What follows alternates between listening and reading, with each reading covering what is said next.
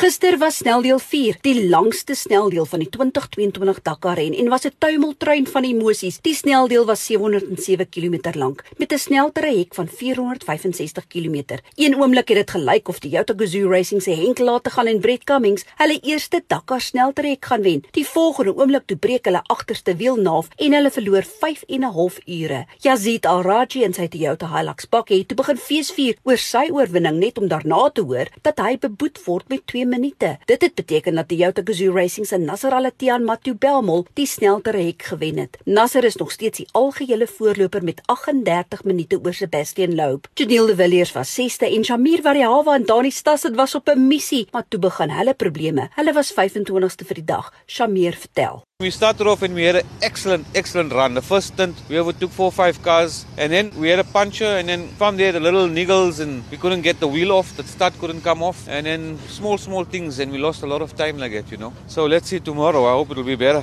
Yeah, we're still fighting. Die vinnigste Century Racing CR6 was gister Chris Visser en Rodney Burke. Hulle het 30ste begin en 14de geëindig, dit met 'n gebuigde keerplaat nadat hulle vasgesit het op 'n duin en 'n papwiel gehad het. Brian Baragwana was 20 50ste Skalkburger het veilig gespeel en 54ste klaar gemaak, maar Ernest Roberts het 'n mik gebreek. Daniel Schroeder en Ryan Bland is dankbaar dat hulle die steltrek kon klaarmaak. Hulle was 39ste, Ryan vertel. Today was a hard day. We played it safe. So many crashes. The first 100 k's were so sketchy. Just massive ruts and river crossings that weren't marked. Lots of rocks and flat out. We had some stress in the end. Obviously with all the rocks, we had some punches and 60 k's from the end. We were in a rocky, rocky riverbed. I mean, like really enduro style rocky bed. And uh, we had another puncher for the day. So yeah, we had no spares left and we were in the middle of the the rocks. So really stressing about getting out the stage safely. So anyway, all good. Na eergister se rol en uitdagings moes Jeff Minute en Siegfried Rousseau in hulle self-racing Can-Am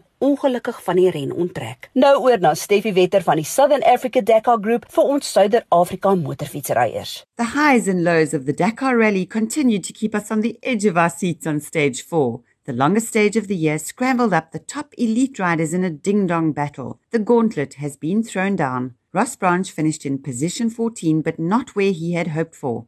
It was a long stage today, but uh, quicker than I thought it was going to be. It was really fast and uh, not so much navigation. So yeah, it was uh, not the position I was hoping to be in, but at least I didn't make any mistakes and we didn't lose too much time to the leaders. So we're in it for another day tomorrow and uh, looking forward to it. We're in a good starting position. So yeah, it's going to be a good day and uh, thank you all for the support. Rising star Brad Cox finished in 18th position and 23rd overall. An incredible ride today. Walter Terblanche had an emotional day and he tells us why. Today was a really nice day. Started really well. Loved it.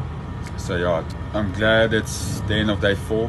As most of you know, 2017 Dakar was day four that I had a mechanical and um, had to withdraw from, from the race. So yeah, today was uh, a bit emotional for me. I won't lie when I say I had a, couple of tears in, uh, in my helmet today. I'm super stoked uh, to have finished this day. For me, mentally, it, it's such a big achievement.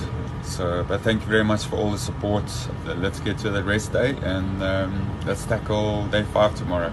Our other riders had a solid day and another long stage awaits for the bikes. 345 kilometers of difficult navigation, stony areas through canyons and level 1 and 2 dunes to the end of the stage. Ek is Janet van Wiele twee wiele. And this is Steffi for the Southern Africa Dakar Group. Vir Dakar 2022. Tot môre, hou jou wiele aan die rol.